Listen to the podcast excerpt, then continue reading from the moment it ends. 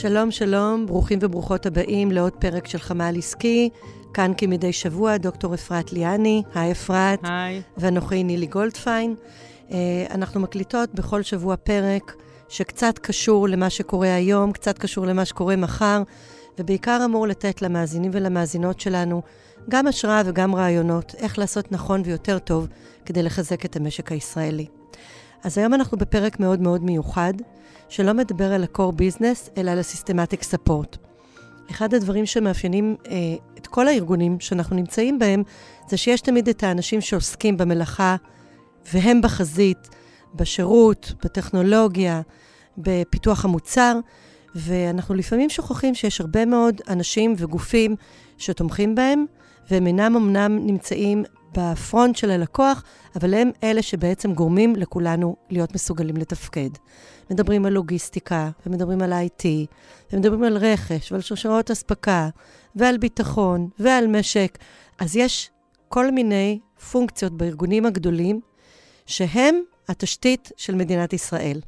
והיום אנחנו רוצים לארח את תמי פקלר, שהיא סמלכ"ל לוגיסטיקה ותשתיות בחברת חשמל, האישה הראשונה בתפקיד, אני חייבת לציין את זה, במאה שנים של היסטוריה.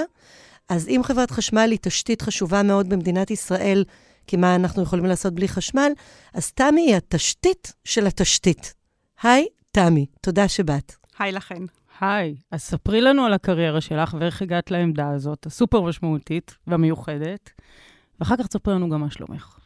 טוב, אז אני אתחיל במי אני ומה אני. אז אני קודם כל אה, אימא גאה, לטל, הדר ועידן. אה, ומשם אני אמשיך לקריירה המקצועית שלי, שזה בהחלט אה, גאווה ענקית אה, שבניתי אותה במו ידיי. התחלתי בעולם הפלורסנטים, ואני קוראת לזה עולם הפלורסנטים, כי בעצם הגעתי מהאקדמיה. למדתי תואר ראשון ותואר שני בכלכלה ומנהל עסקים, ועסקתי באקדמיה ובנק ישראל ובנק הפועלים, ואז הגעתי לחברת, בנק פועלים, ואז הגעתי לחברת חשמל, ועוד פעם, תפקידי פלורסנטים. ואז, אה, אה, כמו אז בחברת חשמל, כשאדם הגיע לגיל 67 והגיע לגמלאות ופרש, החברה תמיד הייתה מופתעת, בעבר אני מדברת, וקרא לי אותו מנהל ואמר לי, תקשיבי, ההוא פרש, הוא ניהל את בתי המלאכה המרכזיים של חברת חשמל, שזה שם מפוצץ לתפקיד ענק שכולו שדרה ביצועית של עובדי שטח. ואם את יכולה, בנוסף לתפקידך, גם לנהל את, ה, את אותם מרכזים גדולים uh, של בתי המלאכה, שזה סדנאות גדולות של עיבוד שבבי ומכני וחשמל ומוסכים. אני צחקתי, אני חשבתי שזו בדיחה, אבל זו לא הייתה בדיחה, וזה בעצם היה דריסת הרגל שלי לתוך העולם שהוא נקרא העולם המלוכלך, עולם השטח. ואז גיליתי בעצם את האהבה האמיתית, ואז היה ברור לי מה, מה אני צריכה לעשות ואיפה זה נכון לי להיות, ומאז התחלתי לחלום. אז בגדול אני בן אדם שחולם, אבל אני חולם במקטעים ריאליים. אני לא חולמת uh, למקומות לא, שאני לא יכולה להשיג אותם.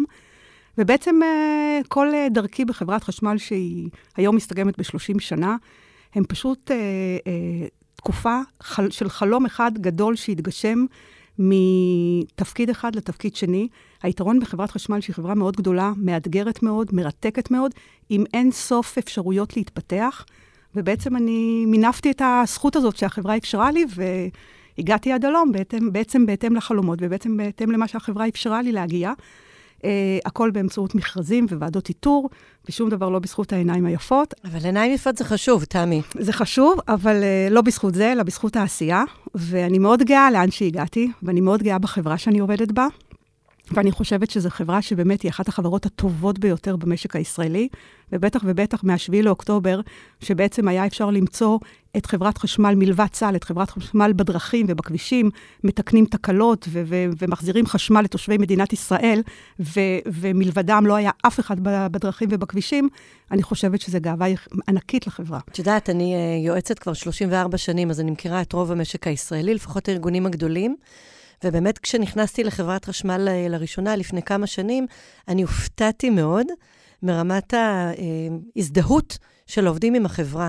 הסיפור הזה של גאווה, גאוות יחידה, בחברת חשמל היא גבוהה מאוד יחסית למשק הישראלי. לחלוטין, זה גאווה וזה משפחתיות, זה משהו שמחבר אותנו.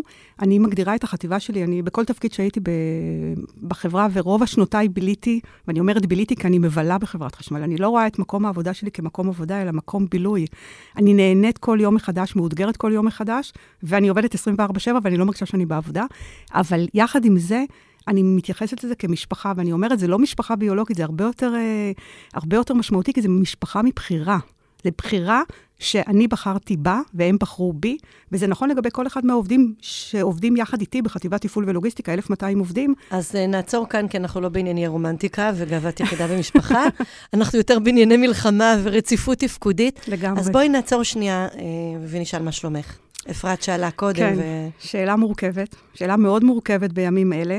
שבעצם אני יכולה לסכם ולהגיד שמעבר לזה שבעצם אני היום מתנהלת כאילו בשגרה, כאילו אין מלחמה, ומתנהלת במלחמה כאילו אין שגרה, אה, כולנו בטראומה. כולנו בטראומה. אה, ויש עדיין הרבה מאוד עובדי חברת חשמל שמגויסים אה, למילואים, למילואים פעיל במסגרת צו 8. Uh, ובמסגרת העבודות שחברת חשמל מבצעת, uh, מהיום הראשון, אני אומרת, מ-7 לאוקטובר, חברת חשמל נמצאת בשטח. חלקם מעובדי החברה קיפחו את חייהם, שלושה עובדים מהמרחב הדרומי ועובד אחד מהמרחב הצפוני, עדי אוחנה, טל דניאל ודני אלוס, זיכרונם לברכה, מהמרחב הדרומי, ושלום אבודי מהמרחב הצפוני, זיכרונו לברכה. Uh, חייבת לומר שהמנכ"ל של חברת חשמל, מאיר שפיגלר, נמצא מהיום הראשון, מ-7 לאוקטובר, בשטח. ואני מצטרפת לכל צוותי העבודה שעובדים בשטח. אני חושבת שזו זכות מאוד גדולה לראות אותם ולהיות חלק מהעבודה שלהם ולהיות שותפה שלהם. ו... והמצב מאתגר, אני חושבת שהעשייה... אז בואי נדבר על האתגר הזה. בואי נדבר על האתגר. אנחנו מתחילים את השביעי באוקטובר, אנחנו נכנסים לתקופה של מלחמה. חשמל זו תשתית בסיסית מאוד מאוד מאוד, שמאפשרת את ההפעלה של הבתי חולים, את ההפעלה של האנשים בבתים, חימום עכשיו כשקר, ושאיבת מים, וכמעט כל דבר אה, שזז. והסיפור של גוף הלוגיסטיקה ספציפית הוא קריטי וחיוני להתנהלות של חברת חשמל. אז בואי תספרי קצת דוגמאות מהשטח, אם אפשר, ולא ברמה של סיסמאות. מה עשיתם?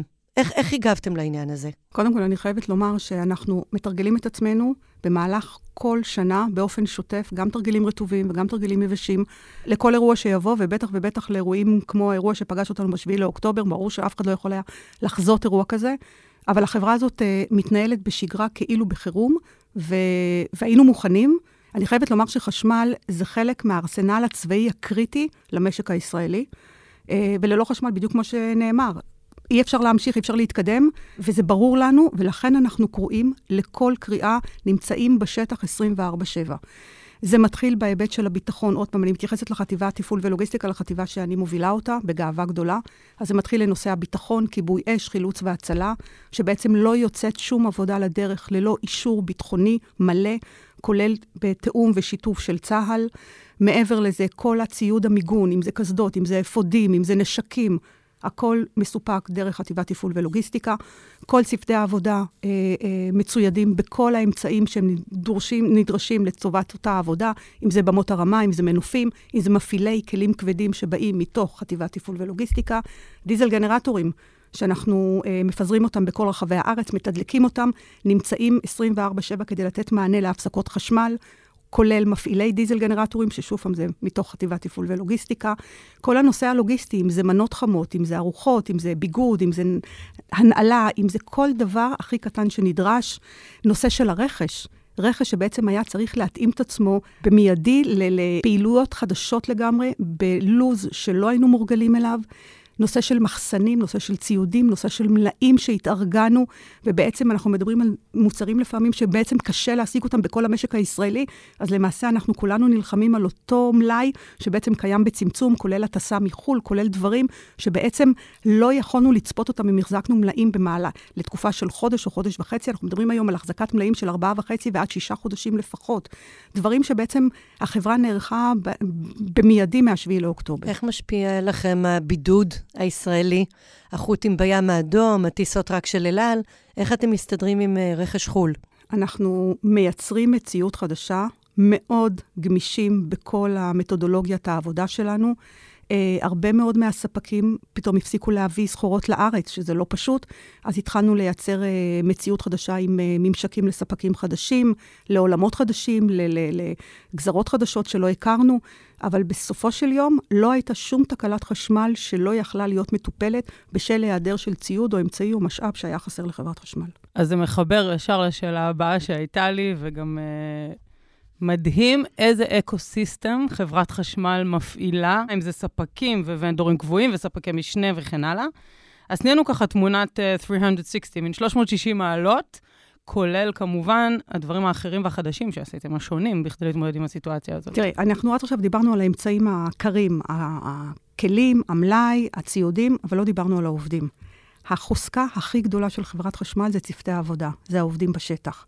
לא היה שום עבודה, שום אירוע, שום אה, אה, תקלה שעובדי חברת חשמל סירבו או התמהמהו ביציאה לשטח. אז זה פעם אחת. החוזקה הכי גדולה שלנו ב... ב שזה פנימה. שזה בפנים.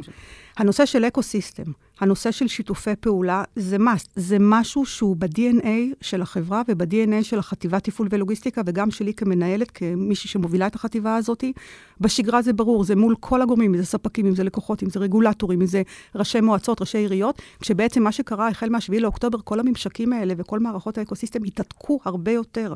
אנחנו נמצאים כל הזמן בשטח. אנחנו קשובים, אנחנו שומעים. ההקשבה היא הקשבה אקטיבית, ההקשבה היא הקשבה שמביאה תוצאות.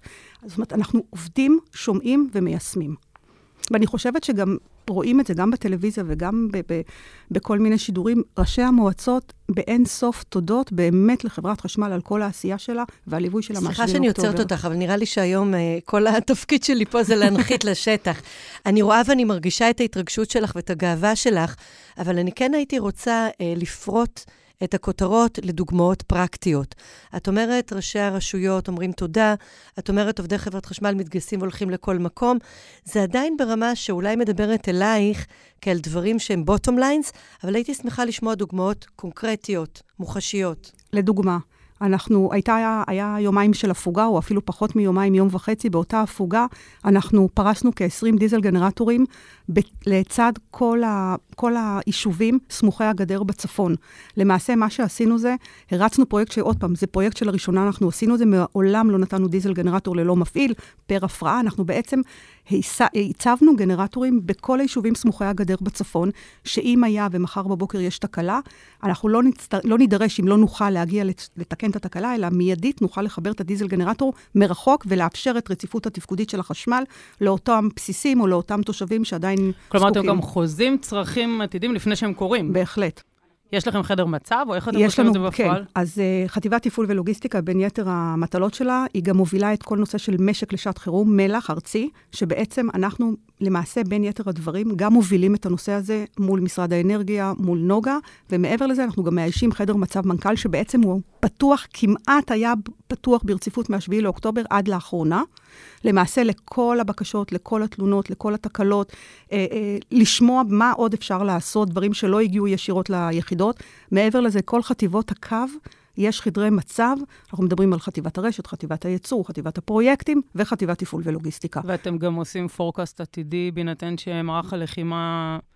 לצערנו כמובן, אבל מאוד יכול להיות שהוא יתרחב. בראשותו של המנכ"ל היו ישיבות אה, ברמה אפילו יומית ודו-יומית, אה, סטטוסים. ככל שהמלחמה התארכה, אז ברור, אנחנו נכנסנו לאיזושהי שגרת מלחמה, אבל בסופו של יום, בהחלט, הכל מתחיל מלמעלה, המנכ"ל הוביל את זה, אנחנו בצור, בשיתוף איתו, כל uh, הנהלת הסמנכ"לים והנהלה המורחבת של החברה, ומתחת לזה כל עובדי החברה היו רתומים.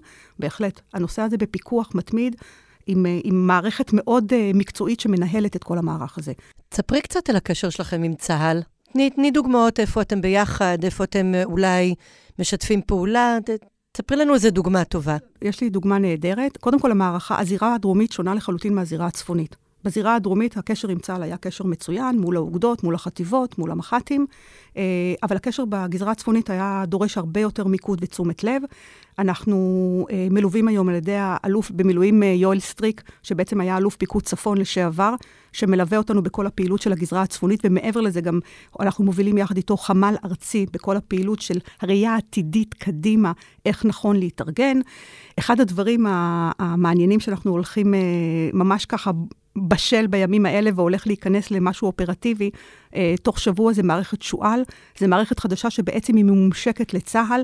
למעשה אנחנו נוכל לזהות עובדים שלנו יחד עם כלים שלנו, צה"ל יכניס את האינפוטים שלו, ולמעשה המערכת היא מערכת שמדברת אחד עם השני בכל זירה. זאת אומרת, אנחנו נוכל לקבל התראות באותו רגע על נפילות, ונוכל לדעת איך העובדים, האם הם יכולים להגיע, לא יכולים להגיע, ואיפה הם נמצאים. החטיבה שאת עומדת בראשה, אני הזכרתי את זה קודם, היא חטיבה מאוד, אה, איך אמרת, עבודה מלוכלכת? שטח, הרבה שטח. פעם עבדתי עם המשטרה והם אמרו לי שיש שני ביטויים. יש אנשים שעובדים בשטח, ויש אנשים שעובדים ב- ביחידות של שטח-שטח. אז את בשטח-שטח, ואת אישה בראש מערך מאוד שטח-שטח. תספרי קצת על החטיבה שלך ועל המנהיגות שלך ואיך היא באה לידי ביטוי עכשיו, בשלושת החודשים האחרונים. קודם כל, אני חושבת ש... Uh, השילוב של נשים בשטח זה שילוב שמייצר אימפקט נהדר, פשוט נהדר. אז אני מגיעה עם עוגות ועוגיות, למשל, שאני לא יודעת אם גבר היה מביא את זה, אבל זה משהו שאולי אישה יותר רגישה לזה. זה משהו שתמיד מעלה חיוך בקרב uh, צוותי העבודה בשטח. Uh, אני חושבת שהם כבר רגילים לראות אותי. זאת אומרת, זה לא משהו שזר להם, אבל אני חושבת שזה משהו שמאוד מעצים. אני חושבת שהתפקיד של המנהלים, בטח בתקופה הזאת, להיות חלק מצוותי העבודה, להיות שותפים לצוותי העבודה בשטח. כי אין, כל הנושא של היררכיה ובירוקרטיה וכל שדרת הניהול, אם אנחנו מסתכלים על, על צה"ל, אז חברת חשמל מאוד דומה באופייה המקורי, אני מדברת. לצה"ל יש דרגות ויש, אה, ויש level של כזה ואחר, אבל היום הנושא הזה נשבר. כל המוסכמות האלה יותר מתאימות לעולם הישן. אנחנו מדברים על היום על עולם מודרני אחר, שבעצם הבירוקרטיה וההיררכיה הן כבר לא רלוונטיות, ובעצם כשסמנכ"ל מגיע לשטח, אני, אני מרגישה כאחד מתוך רבים, מתוך הקבוצה, אותה קבוצה שעובדת, ואני חושבת שזה מבחינתי, אני לא יודעת מי יותר נהנה, אבל בהחלט אני חושבת שאני מרוויחה הרבה יותר מהביקורים האלה. אה, אושר אמיתי, אושר אמיתי לראות, וגאווה אמיתית לראות את החבר'ה בשטח, שמתאבדים על עבודות. חברת חשמל היא בת מאה, אין הרבה ארגונים בארץ בני מאה, ואני יודעת שלפחות, אה, אני יודעת שזה באופן כללי בחברת חשמל, אבל צריך בחטיבה, יש כן אה, איזשהו משהו מאוד שונה עם הקטע של הגמלאים. את יכולה לספר על זה משהו? החברה הייתה צריכה לחשוב ולהתארגן אחרת, איך אנחנו מתארגנים, למשל, סתם לדוגמה, ואני גם אגיע לגמלאים, 60 אה, אחוז מהמאבטחים שתמכו וליוו את חברת חשמל גויסו בצו 8. אז היינו צריכים לעשות חשיבה אחרת, איך אנחנו ממשיכים לתפקד, כשבעצם 60 אחוז מכוח הביטחון שלנו איננו. אז uh, באמת מה שעשינו, פתר, יצרנו פתרונות יצירתיים, אם זה כיתות כוננות, אם זה חלוקת נשקים, uh, אם זה הסטה של מאבטחים ממקומות שהם יותר מוגנים מאתרים משרדיים לטובת השטח, צירוף של קב"טים שיצאו לשטח לכל עבודה, אין עבודה שלא יוצא אליה קב"ט צמוד, בטח לעבודות סמוכות גדר.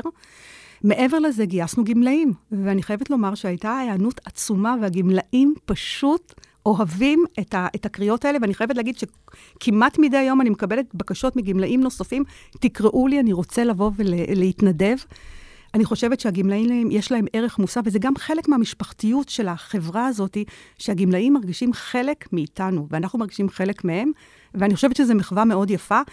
אה, אחד הדברים שקרו באמת מאז ה-7 לאוקטובר, אה, הרבה מאוד ספקים וחברות הפסיקו לתת שירותים בשל כל מיני בעיות אובייקטיביות, ואנחנו יצרנו פתרונות מתוך החברה, למשל קבלני חפירות שפתאום לא יכולנו לקבל מהם מענה, אה, ויצרנו בעצם פתרונות מתוך עובדי חטיבת תפעול ולוגיסטיקה, שיש להם אולי רישיון כטרקטוריסט, ואז הוא עשה את העבודה במקומו, או כל מיני חבר'ה מהגמלאים שיש להם רישיונות כאלה ואחרים, ויכולנו לחדש אותם ולקבל מהם מענה. אז זה כל מיני פתרונות יצירתיים שבאמת אה, נולדו מ-7 לאוקטובר, אבל אני חייבת לומר שקיבלנו מענה מלא, לא היינו חסרים בשום מענה.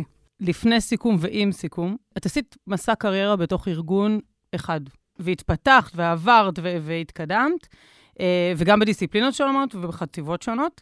אז למי שמאזין, ומאז... היא והוא שמאזינים לנו, תני ככה שלושה-ארבעה טיפים כמנהלת שעשתה את הטרק הזה, את המסע הזה, איך עושים אותו ככה שהוא מגיע בסוף ליעד? קודם כל, אני לא יכולה להתעלם מזה שאני אישה. אז הנושא של האינטליגנציה הרגשית, אני חושבת שזה משהו שיש לנשים, ואני חושבת שיש אותו גם לגברים.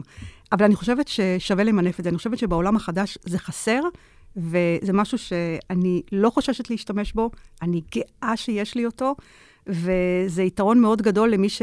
וצריך לעבוד על זה, ואני אני חוגגת על, ה, על היתרון אז, הזה. אז בואי ניתן טיפ לגברים, זהו, תפתחו בדיוק אינטליגנציה רגשית. לגמרי, לגמרי. אני חושבת שיש הרבה גברים, ואני חייבת להגיד את זה מתוך שיחות, שיחה אחרונה שאני, שהיינו ב, בביקור בכרמיאל, יחד עם המנכ"ל, ואחד העובדים ניגש למנכ"ל, והעיד ש, שהוא כל כך מאושר מזה שסוף סוף יש פה מנהלים עם אינטליגנציה רגשית כל כך גבוהה, אז, אז אני חייבת לומר שזו הייתה מחמאה מאוד גדולה מבחינתי.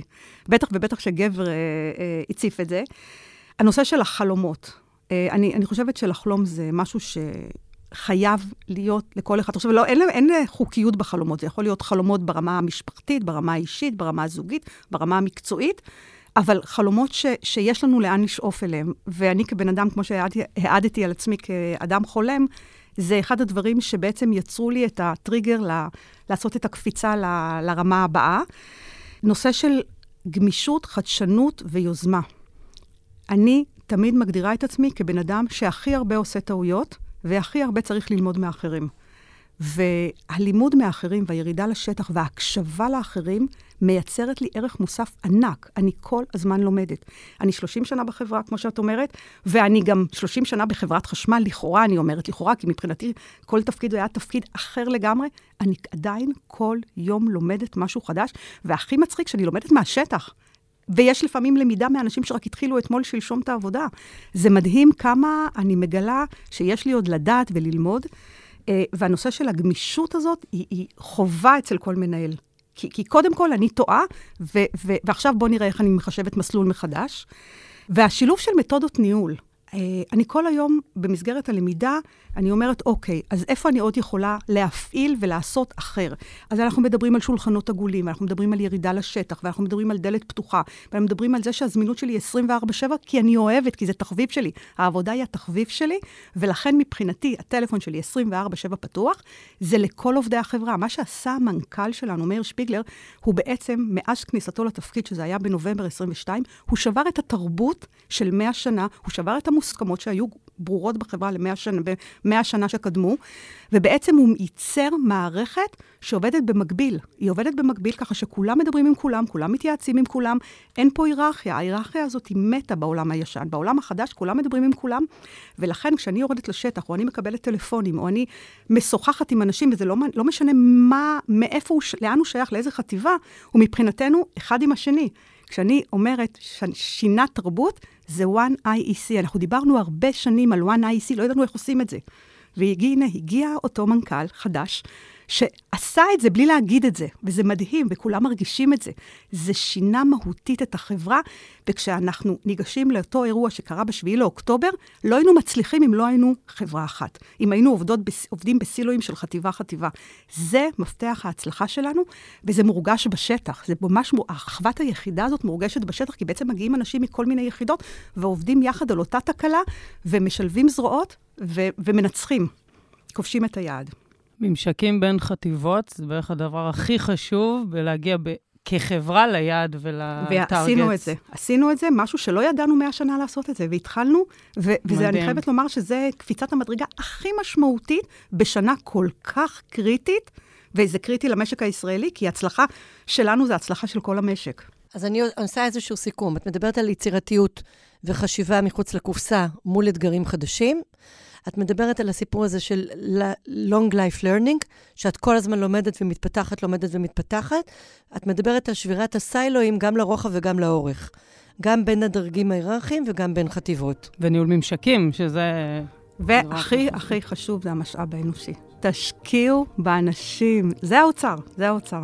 אז אני רוצה לומר תודה לתמי על השיח הכנה והפתוח ועל הברק בעיניים לאורך כל השיחה. אני רוצה להודות לנילי, שותפתי.